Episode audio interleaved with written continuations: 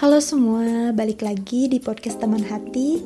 Terima kasih buat kalian yang udah setia dengerin podcast Taman Hati dan yang sudah mengikuti channel ini untuk semakin berkembang. Gimana kabar kalian semua? Wah, hari ini aku senang banget karena lagi-lagi masih bisa menyapa kalian semua melalui podcast ini. Oh iya, dan di podcast kali ini juga agak sedikit berbeda dari sebelumnya, karena di podcast kali ini mungkin aku nggak akan bahas yang berat-berat. Aku pengen berbagi pengalaman dan hikmah yang didapatkan di minggu ini. Hal ini berkaitan dengan kualitas dan kuantitas terhadap segala sesuatu dan cerita transisiku dari masa SMK ke masa perkuliahan. Nah, tapi sebelumnya semoga kalian dalam keadaan yang sehat selalu dan dijauhkan dari mara bahaya, serta dilindungi oleh Sang Maha Pencipta Oke, kalau gitu kita langsung aja ke ceritanya. Semua ini dimulai ketika aku memasuki masa perkuliahan di tahun lalu, tahun 2019. Dan karena sebelumnya aku udah terlalu lama berada di zona nyaman selama 3 tahun di SMA, tidak banyak yang berubah dari diriku. Pengetahuan dan skill yang aku punya tidak ada perubahan yang berarti gitu. Aku orang yang terbiasa diam dan menyimak sesuatu ketimbang menjadi seorang pembicara. Nah, bagi orang yang belum kenal dekat denganku pasti menganggapku orang yang jutek, cuek. Ya, aku mengerti. Tapi aku tidak peduli, wajar saja karena mereka belum mengenalku dengan baik. Dan biasanya juga orang enggan untuk berkomunikasi denganku. Dan jujur aku sangat mengakui bahwa aku orangnya itu nggak asik. Ya, nggak asik banget. Tapi kalau memang udah deket dan udah betul mengenal, biasanya aku yang jadi cerewet dan banyak ngomong. Nah, itu latar belakangku ketika masa SMK ku seperti itu. Kemudian aku masuk ke masa perkuliahan dan transisi pun dari masa SMK ke perkuliahan sangat drastis aku rasakan. Terutama dalam hal bersosialisasi, berorganisasi, dan cara berkomunikasi dengan orang lain. Efek terlalu lama berada di zona nyaman, rasanya seperti ketinggalan pesawat. Orang lain udah di luar negeri, ini aku masih di rumah dan mungkin masih persiapan barang-barang. Yang mana mahasiswa lain mungkin udah persiapan dari pas masa-masa SMA-nya. Dari segi bersosialisasi, berpikir kritis, cara berkomunikasi, mereka udah jago lah ya. Nah, kemudian aku berpikir, aku nggak mungkin kan terus-menerus masih di rumah aja. Aku juga harus bergegas menyusul yang lain, mereka yang udah sampai di luar negeri. Dan memang benar, aku pernah mendengar sesuatu kutipan, tapi aku lupa siapa yang bilang, katanya orang yang paling ditakuti itu bukan orang yang berbadan kekar dan otot yang besar, tapi orang yang paling ditakuti itu orang yang pintar dan cerdas. Plus dia bisa mengaplikasikannya ke dalam hidup dan membagikannya kepada orang banyak apalagi dia dapat menyelesaikan permasalahan-permasalahan kehidupan di dunia ini dengan kecerdasan yang dimilikinya. Nah, di masa perkuliahan ini orang-orang cerdas dan yang memiliki kemampuan berpikir kritis yang baik itu sangat diperlukan. Termasuk dilihat dari bagaimana cara seseorang itu bersosialisasi dan berkomunikasi. Nah, aku yang ketinggalan pesawat ini memutuskan untuk menaiki beberapa kendaraan untuk bisa sampai ke luar negeri bersama dengan yang lainnya. Dalam arti sesungguhnya aku memutuskan untuk mengikuti beberapa unit kegiatan mahasiswa dan beragam kepanitiaan yang lain. Banyak sekali yang aku ikuti.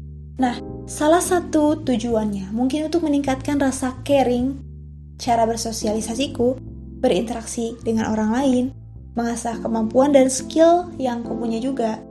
Nah, Cuma mungkin kurang tepatnya aku nggak mikirin kalau jadwal perkuliahan ini juga cukup padat. Apalagi ketika di semester 3 ini aku bertemu dengan mata kuliah yang bobotnya 9 SKS. Hmm. Belakangan ini aku keteteran dalam memanage waktuku karena tugas-tugas baru dari kepanitiaan itu juga mulai bermunculan lagi. Nah, sampai akhirnya setiap hari aku bergadang mentok-mentok jam 3 baru bisa tidur, aku tahu guys, ini nggak baik dan nggak patut dicontoh. Apalagi aku, anak kesehatan, seharusnya lebih bisa mengatur semuanya untuk menjaga kesehatan diriku sendiri sebelum orang lain. Ya, ini dijadikan introspeksi bagi diriku sendiri. Cuma ya gimana lagi, itu adalah amanah yang udah diberikan kepadaku.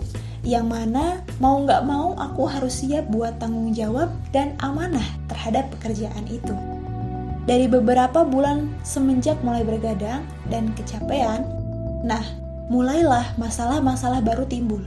Bangun jadi nggak semangat, nggak berenergi, ketika kuliah nggak fokus, dan akhirnya malah buang-buang waktu karena udah meluangkan waktu untuk kuliah. Tapi nggak ada yang nyangkut di otak. Itu rasanya hmm banget. Jadi harus dua kali ngedengerin hasil record lecture sebelumnya dan itu cukup buang waktu dan gak produktif sih.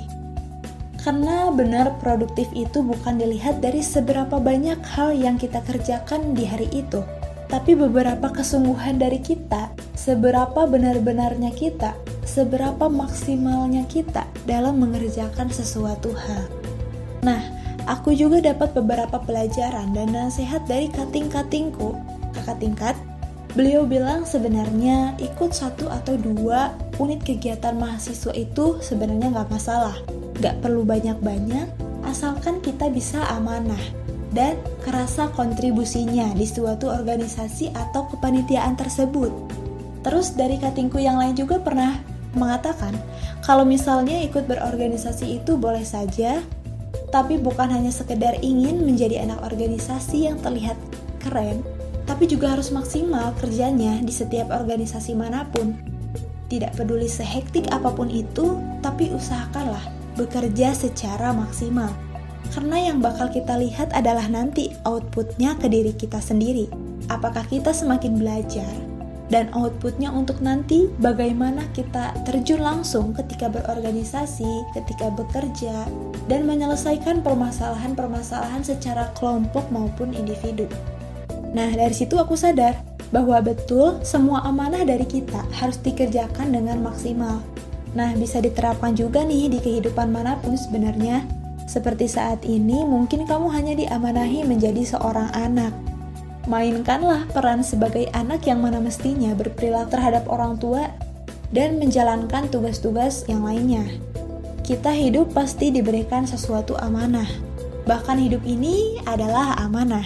Kita diberi waktu dan kesempatan hidup oleh Tuhan Yang Maha Pencipta untuk melakukan tugas-tugasnya di dunia ini sebagai hambanya dan sebagai khalifah di muka bumi tentang bagaimana cara kita berperilaku yang diterapkan dalam sebuah kehidupan dan pengaplikasian penyelesaian masalah dan persoalan-persoalan di muka bumi ini. Jadi mungkin pelajaran untukku ke depannya adalah untuk bisa amanah terhadap tanggung jawab tanggung jawab yang diberikan terhadapku. Harus mampu mengatur dan memanage waktu dengan baik dan bagaimana caranya juga untuk tetap dapat mengelola tubuh kita agar tetap sehat dan hidup itu harus seimbang. Kebanyakan sesuatu itu nggak baik dan kekurangan sesuatu itu juga nggak baik.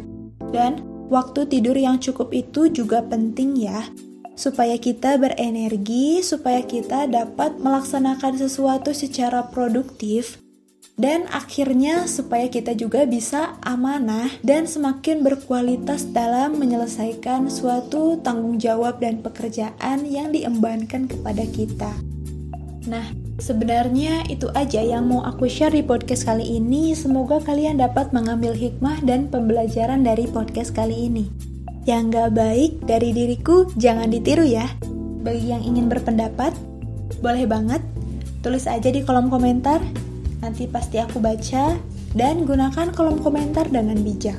Like kalau kalian suka dan dislike aja kalau kalian gak suka. Akhir dariku, salam dari hati.